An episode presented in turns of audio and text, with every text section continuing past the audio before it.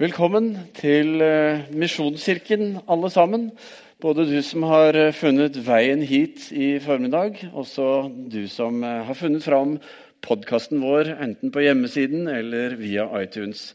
Kjekt å ha dere med, alle sammen. Vi er i en prekenserie som handler om hva menigheten er kalt til å være og kalt til å gjøre. Eh, og hvor det helt avgjørende for oss å poengtere er viktigheten av eh, det å være. At det kommer først, før det å gjøre. Det er noe dramatisk egentlig ved innholdet i denne serien. Fordi vi rører ved det som for mange er den store kristenlivseksistensialistiske utfordringen. ikke det et deilig eh, lite ord vi bruker der? Eh, den store kristenlivseksistensialistiske utfordringen Jeg vet ikke om det har blitt uttalt sånn noen gang før, men jeg har nå klart å koke den i hop. Men det kan også formuleres i en eh, spørsmålsstilling sånn som dette. Å være eller å gjøre, det er det store spørsmålet. Og Svaret på disse spørsmålene er det mange av oss som strever med. Mange kristne som synes at dette er vanskelig å finne på en måte rytmen i troslivet. Livet som eh, vi har vært med på å skape, og som den verden vi er en del av i dag, har formet, den er så veldig mye mer opptatt av resultater. Av hva vi gjør, hva er det vi klarer å fremskaffe gjennom eh, hvem vi er til så stor grad at det å bare være har mistet mye verdi. Eh, og dette har smittet over på troen. Det er ikke noe nytt fenomen, men jeg tror det er sterkere i dag enn det har vært eh, tidligere. Men hva er så menigheten da kalt til å være? Eller kanskje for å stille spørsmålet annerledes hvem er menigheten? Eh, teksten som måte, ligger til grunn for eh, prekenen i dag, er egentlig hele kapittel 12 i første Korinterbrev. Men det er dette verset i det vers 27 som vi henter spesielt fram, hvor Paulus sier dere er Kristi kropp, og hver av dere et lem på ham. Summen av oss som tror, summen av oss som er med i menighet, den summen er Jesus Kristus. Det er en ganske utrolig tanke egentlig, at når vi kommer sammen i tro, pga. den troen som vi har, så skal det, altså summen av det være med på å synliggjøre Jesus i verden i dag. For mennesker rundt oss. Det skjer noe når vi kommer sammen. Og Det syns jeg er ganske fantastisk, og det sier noe om eh, hvem vi skal få være i Kristus. Forrige søndag så eh, talte Inger Hittelsen, og hun illustrerte troen og det å være en kristen med det å sette seg på en stol. Stolen representerer Jesus, han som vi tror på. Og eh, det vi er kalt til, sa hun først og fremst, det er å være hos han. Å sitte i denne stolen og være hos han. Og eh, Jeg er ikke vant med å sitte og se bort på notatene mine, så det er derfor jeg har en liten sånn kunstpause her nå. Men det å sitte her, det handler først og fremst om hva Jesus har gjort for oss. Det handler ikke om hva vi har fått til eller klarer. Men vi sitter her fordi Jesus har gjort noe for oss, og dette hviler vi i. Nåde kaller vi dette. I menigheten vår så har vi eh, flere verdier som vi, som vi, sier dette ønsker vi eh, å strekke oss etter. Og Den første i rekken av de er nåde som verdi. Hvor vi sier eh, nåde handler om å ta imot. Det kommer først. Og så handler det om å få leve i det vi har tatt imot. Og så handler det om å formidle. Så være ikke sant? for å kunne leve i, og så kunne gjøre, altså formidle videre. Og Paulus han sier at det er i egenskap av at vi sitter i den stolen, at vi er et lem på hans legeme. Det er ikke fordi vi har fått til noe som er verdig å være et lem på hans legeme. Men det er rett og slett fordi denne stolen blir presentert oss. Eh, ikke fysisk, denne stolen, men troen er å sette seg ned i stolen. Vi har valgt rett og slett å stole på Jesus. Det er det troen handler om. Litt ordspill der for deg som liker det. Og det er jo meg, i hvert fall. da. Eh, men Paulus han tar et oppgjør med menigheten i Korint. Første Korinterbrev, eh, kapittel 1, så leser vi at det er splid i gjerdet i menigheten. Og Paulus han eh, skriver til menigheten for å rydde opp. For det er noen som sier at 'nei, jeg hører på Paulus'. Mens andre sier 'nei, jeg hører på Apollos'. Og så er det noen tredje igjen som sier 'nei, jeg syns Kefas det Kefas sa i går, det var mye bedre enn det Paulus sa i går'. Altså, og så begynte man å eh, lage sånne egne grupperinger innad i menigheten. Og Paulus likte ikke det, så han skrev og så sa han, nå må dere slutte å dele opp kroppen. sier han. Nå må dere slutte å splitte Jesus opp i eh, fragmenter og biter. Dere må komme sammen i enhet og være Kristus sammen. Og Det er mye av det første Korinterbrev handler om. Eh, Paulus formante til enhet i Kristus, om å stå sammen. For når lemmene ikke står sammen, når vi som er kalt til å være menighet, kalt til å være lemmer på Jesu kropp, når vi er mer opptatt av hva jeg mener, hva jeg tenker, eller 'jeg likte det han sa bedre enn det du sa', osv., ja, så forsvinner Kristus. Det er ikke bare vi som blir fattigere, men verden rundt oss, som trenger å se Jesus gjennom menigheten, blir fattige. Misjonskirken som eh, vi er sammen i i dag, vi er en del av Misjonsforbundet. Misjonsforbundet skifter nå riktignok navn til Misjonskirken Norge eh, om en måned. Men en av hovedverdiene til Misjonsforbundet, en av grunnene til at man stiftet Misjonsforbundet tilbake i eh, 1884 formelt, men utgangspunkt i 1856, det var rett og slett eh, at man ønsket kristen enhet. Ikke først og fremst kristen enighet i alle ting, men man ønsket kristen enhet. Man ønsket å si at eh, ja, dette med dåp er spennende og viktig, og hvilket syn vi har på det, og nattverden og nådegavene, hvordan de er i funksjon, og, og, medlemskap og alt dette. Dette er interessant. Men før alle disse tingene så kommer Kristus, og vi er kalt til å være ett i Han.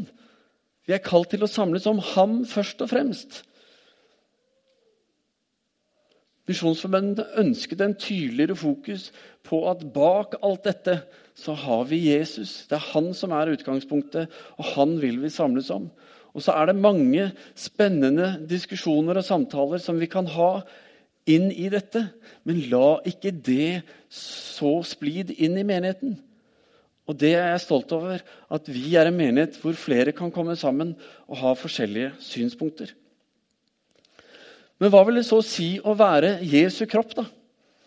Det kan være kanskje interessant å ta en sammenligning da, med menigheten og Jesu faktiske kropp, slik vi møter den i evangeliene. Og Det skal vi gjøre litt nå. Vi skal ikke gå veldig sånn superdetaljerte verks, for da kan vi holde på i mange timer. Men vi skal hente ut noen poenger her. For det første så lærer vi at da Jesus ble født, så var det pga. et mirakel. Det var et mirakel som var utgangspunktet. Hans mor Maria hun var jomfru. Og det sto hun ved selv når engelen Gabriel kom og møtte henne og fortalte henne at Maria, du skal føde en sønn. Du skal bli med barn, du skal føde en sønn, og han skal være verdens frelser. Og jeg tenker, Det er ikke der du tenker å ta en hvit en. ikke sant? Nei, du skjønner at uh, Altså, der må man være ærlig, ikke sant? Og Maria, hva er hennes respons når hun får høre dette? Jo, i Lukas 1, 34 så står det Maria sa til engelen, 'Hvordan skal dette kunne skje når jeg ikke har vært sammen med noen mann?' Hva er hennes respons? Så hvis du syns at dette med jomfrufødsel er rart, og syns det er vanskelig å tro på det, så får du ikke alene om det. Maria var helt enig i at dette var vanskelig. Og akkurat som Jesu unnfangelse skjedde ved Den hellige ånds inngripen, så ble også menigheten unnfanget ved at Den hellige ånd ble utgitt her på jord på det vi kaller pinsedag. Og På den dagen var det 3000 mennesker som valgte å sette seg i den stolen og si 'Jeg tror på Jesus'. Det var ikke 3000 som så alt med en gang, men de skjønte dette er viktig. Og det som skjedde den dagen, det var et mirakel. Da eh, Henry Johansen kom til Stavanger i januar 1937, så skjedde det også et mirakel. Fordi han kom og skulle ha møter. Han kom utsendt fra ungdomsorganisasjonen eh, til Misjonsforbundet. Det som i dag heter Misjonsforbundet Ung. Eh, sendt hit for å ha møter. Og så gikk det ikke lenge før eh, møtelokalene ble stappfulle, og de måtte over i større lokaler og større lokaler. Og eh, folk møtte opp tidlig og sto timevis i kø ute for å sikre seg å komme inn og få plass på møter hvor de skulle snakke om Jesus. Og de som ikke fikk plass, de hang i vinduene. Eller sto utenfor for å høre, for å få med seg det som skjedde der inne. Og Som et resultat av det så ble denne menigheten stiftet i september i 37. Og På den dagen så var det 322 mennesker, som du ser eh, noen eh, av her oppe, som var sammen i lokalet som het Understøttelsen. Jeg kan ikke forklare hvorfor det het det, men det het det, og der ble menigheten stiftet. Dette var også et mirakel som bare Gud kunne gjøre. For jeg tror vi prøver å samle folk sånn som det hele tiden når vi har gudstjenester. Men Gud rørte på en spesiell måte den gang da. Og når vi inviterer frimodig til menighetsskole i Misjonskirken, som eh, ble nevnt tidligere her, så, og vil ha alle med altså Vi har sagt 100 ønsker vi å ha med. ikke sant? Men vi vil ha mange flere enn det med. Vi vil ha alle med. Alle som er i stand til å sitte og følge med på. Så om du er 15-16 eller noe sånt, og opp til du er 100 eller mer og må bli kjørt og båret inn, vi vil ha deg med. Rett og slett fordi vi lengter etter et nytt mirakel i Stavanger. Vi lengter etter at vi som menighet skal oppleve at vi står sammen som en enhet. Vi vet hva menighet handler om. Vi ønsker å se at Gud skal gjøre store ting midt iblant oss i dag. Og det håper jeg du vil være med på. Når Jesus så ble født, så var det å være baby mer enn nok. Bare det å få lov å ligge i armen til mor Maria eller far Josef og bare være, det var mer enn nok i seg selv. Inger snakket eh, om det å være på, si, på den måten i sin tale forrige søndag. Har du ikke hørt den, så gå inn på nettet og få den med deg. Har du hørt den før, så hør den gjerne igjen, for det var en veldig bra tale. Men det som skjer da med Jesus som det lille barnet han er, det er at kroppen, han blir angrepet. Du husker kanskje fra fortellingen at Herodes, som hadde fått høre gjennom de vise menn om at det skulle fødes en konge, han beordrer ikke bare at Jesus skal drepes, men at alle guttebarn under to år i hele den regionen skulle drepes fordi han ville sørge for at Jesus ikke vokste opp at det Jesus representerte, ikke skulle ha livets rett.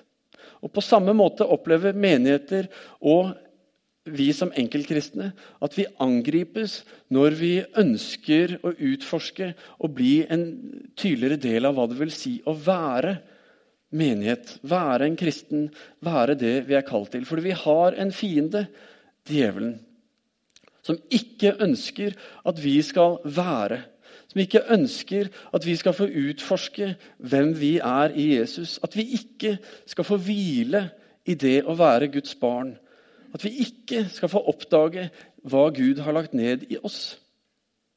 Han vil at vi skal konkludere med at de forskjellige aspektene ved troen at det ikke er noe for meg. Dette med det åndelige, som er så mangt når vi sier det åndelige. Men dette er ikke noe for meg. For jeg, jeg forstår det ikke helt. Jeg syns det er litt vanskelig. Og det er en ærlig sak.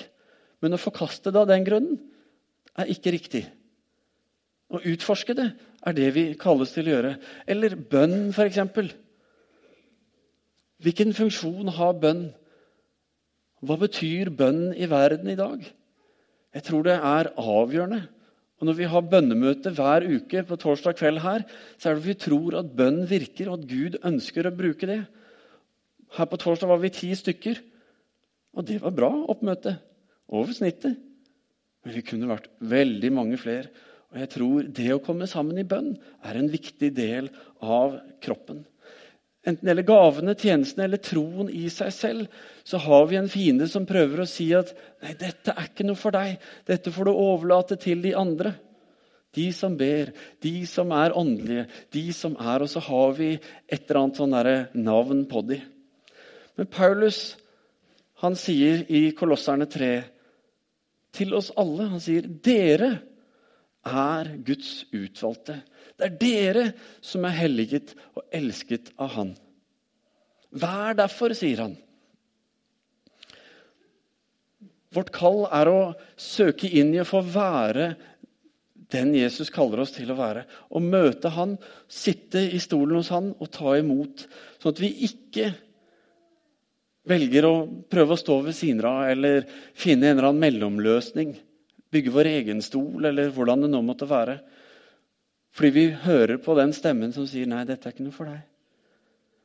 Ikke sant? Det finnes ingen stol. Du må stå på egne ben. Vi ser videre at Jesus han vokste. Det står i Bibelen at Jesus han vokste både fysisk, men også i visdom og alt dette. Det skjedde noe med han. Kropp må vokse. Det må skje forandringer i kroppen. Og noen av disse forandringene er veldig velkomne når de kommer. Mens andre nei, er vi ikke så sikre på. Kanskje er vi litt skumle, for dette har vi ikke gjort før. Eller vi likte bedre gamlemåten, eller hva det nå måtte være. Men det er jo sånn hos oss mennesker og våre kropper at kroppene vokser. I år så fødes det 14 små babyer i menigheten vår. Og Alle disse barna skal vokse opp, og det skal skje masse med dem. Akkurat sånn det har skjedd med oss. Og så takler vi vekst på forskjellige måter. Noen vokser fort i perioder. Andre skulle ønske at de vokste fortere i perioder. Jeg var en av de som var ganske liten ganske lenge. Ikke så veldig stor nå heller. Men forhåpentligvis stor nok. Jeg har slått meg til ro med den jeg er. Men det er noe med av og til så kjenner man på voksesmerter. Ikke sant? Og så er det noen ganger vi ikke liker det som skjer med kroppen. Men allikevel så vokser kroppen, og vår oppgave er å være med og være en del av kroppen, sånn at kroppen får vokse og utvikle seg. Da vår menighet ble stiftet, som jeg sa i september 37, 23. september, så var det altså 322 mennesker på den dagen som skrev seg inn i menigheten. Litt over et år etterpå, ved årsslutt 1938, så sto det 700 mennesker i den menighetsprotokollen. Og før, like før andre, verden, andre verdenskrig startet i 1940, så sto det 775 mennesker i den protokollen. Det er en betydelig vekst. Og det forteller meg at menighet, Jesu kropp, har et vekstpotensial som er enormt stort. Langt større. På pinsedag var det 3000 på én dag. Altså Kroppen er ment for å vokse. I 2010 så gikk vår menighet sammen de andre menighetene i Misjonsforbundet sammen så sa vi vi vil vokse. Vi vil se mennesker vunnet for Jesus. Vi ønsker at det skal være liv i menigheten vår. Så vi kalte det Vekst 2020 og sa i løpet av ti år så ønsker vi å doble det tallet. Var vi 100, så ville vi se 200 på gudstjeneste. Var vi 30 stykker som var i gruppefellesskap, så ønsket vi å se 60 stykker i gruppefellesskap. Var vi 10 stykker på formiddagstreffet, så ønsket vi å være 20. Altså enkle dobling. Altså, det er et grep, men poenget er ikke tallet. Poenget er å si at vi trenger vekst. Vi ønsker å se det midt iblant oss. Og veksten skjer når Jesu kropp får det rette fokus. Når vi omfavner hva vi er kalt til å være, nemlig lemmer på hans kropp. Og Noe av nøkkelen tror jeg ligger i hvem er det vi identifiserer oss med i livet. Jesus han valgte å bli alt det vi er, for at vi skulle kunne bli alt det han er. Jeg syns det er en flott setning. Jesus ble alt det vi er. Jesus han ble døpt. Og den dåpen var en omvendelsesdåp. Ble Jesus omvendt den dagen? Nei, men det viser at Jesus han identifiserte seg med oss. Han ble alt det vi var. Han ble synd, sier Paulus når han hang på korset. Han tok på seg alt det vi var.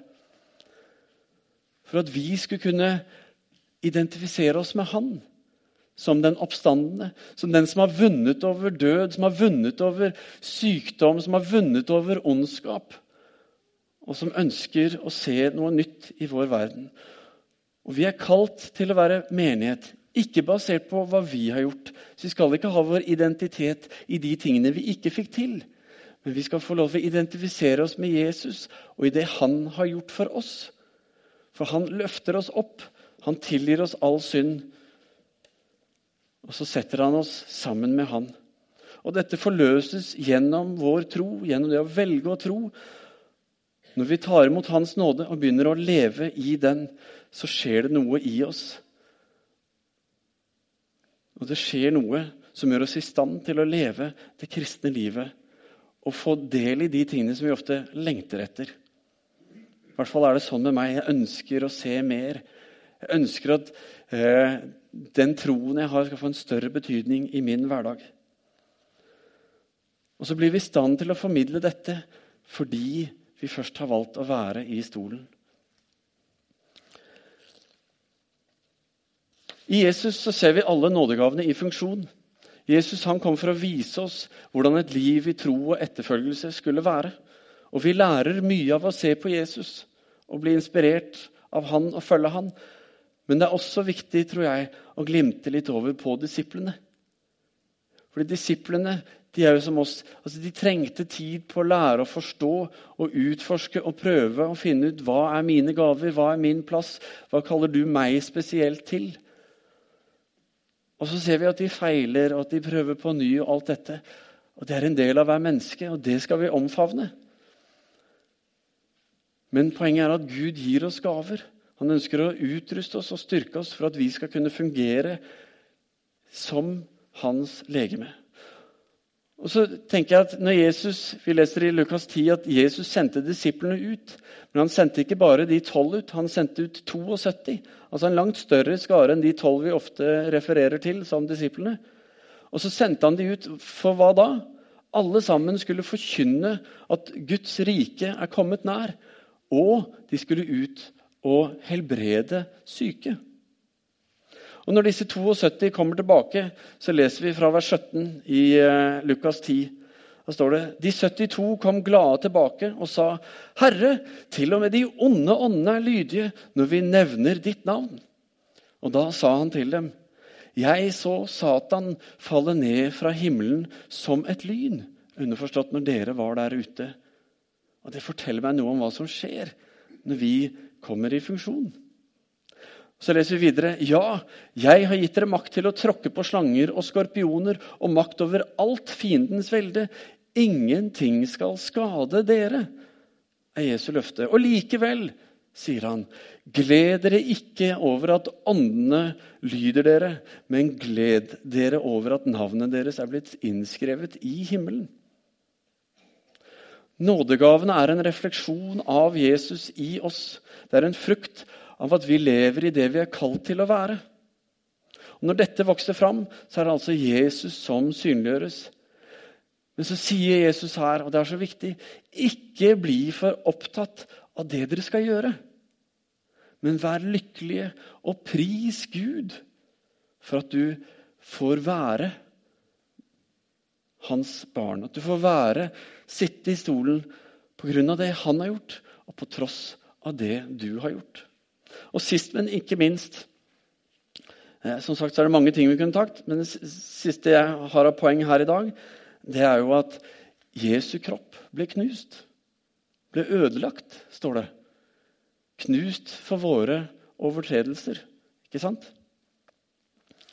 Nå er det ikke et mål for menigheten å bli knust og ødelagt. Det er ikke det jeg sier.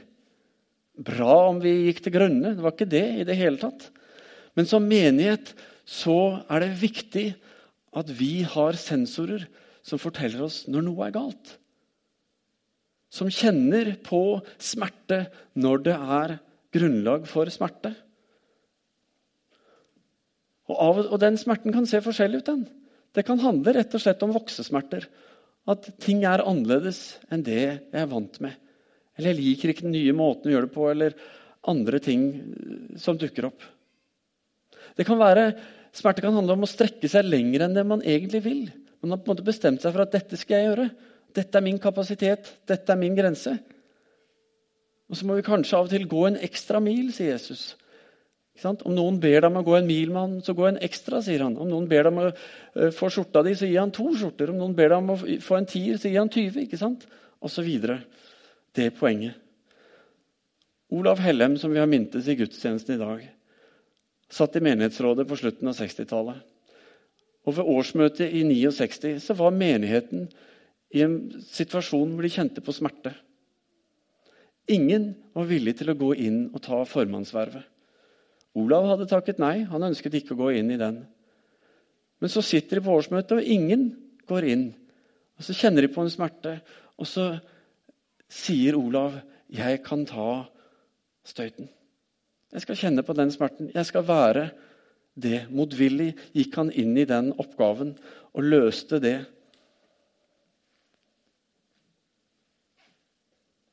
Og Han løste det fordi han visste tror jeg, hva menigheten var kalt å være at viktigere enn hva han hadde planlagt, var kanskje hva Gud hvisket i øret på hans og sa Olav, det er du som skal gjøre dette her og nå.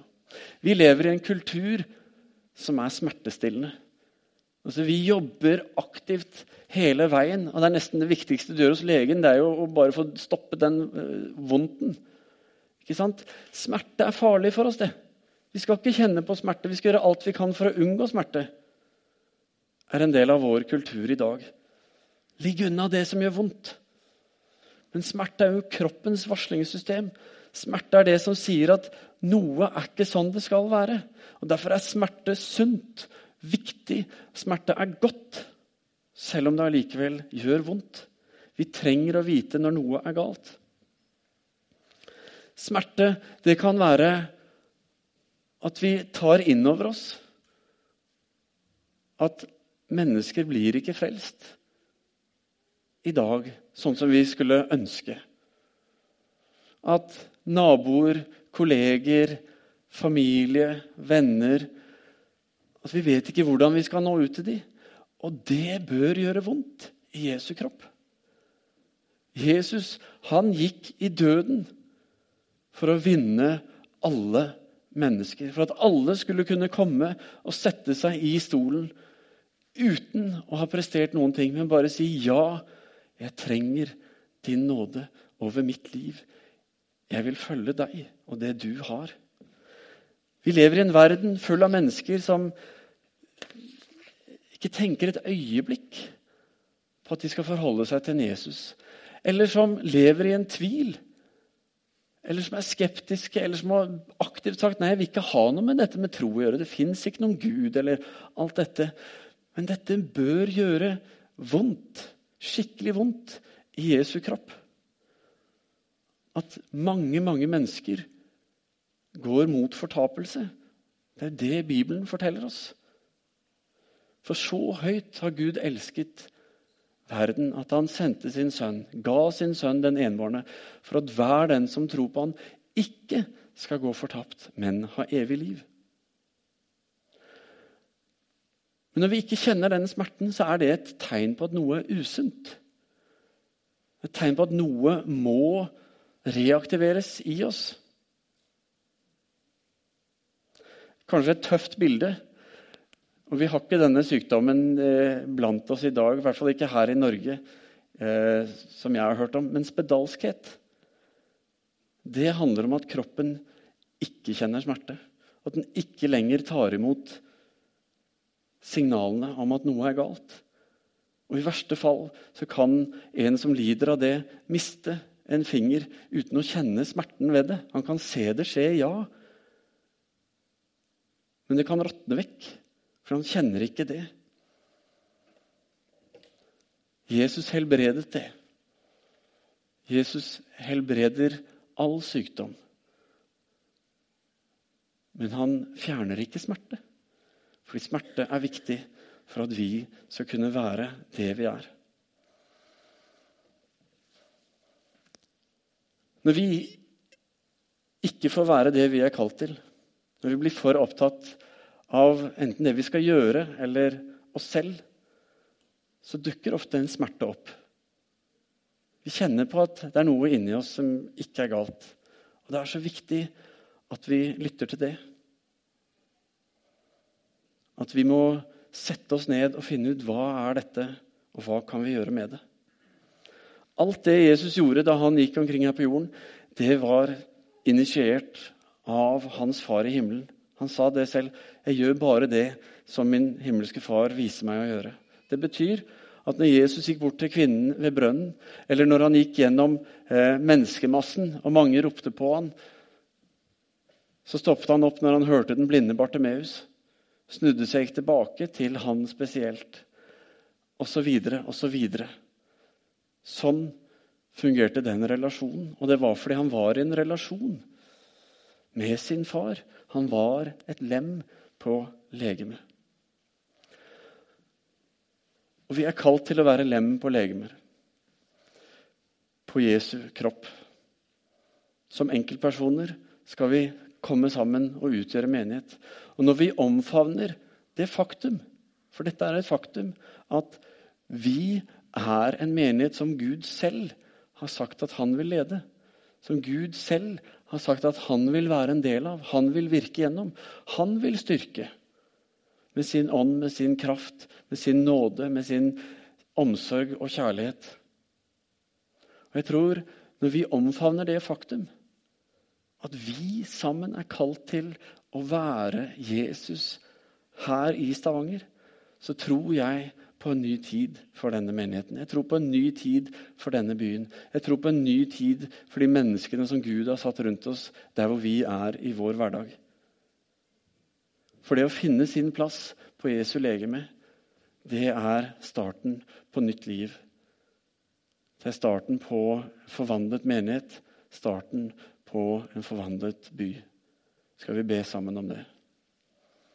Kjære himmelske Far, jeg takker deg, Herre, for at eh, det er du som kommer og eh, møter oss, Herre.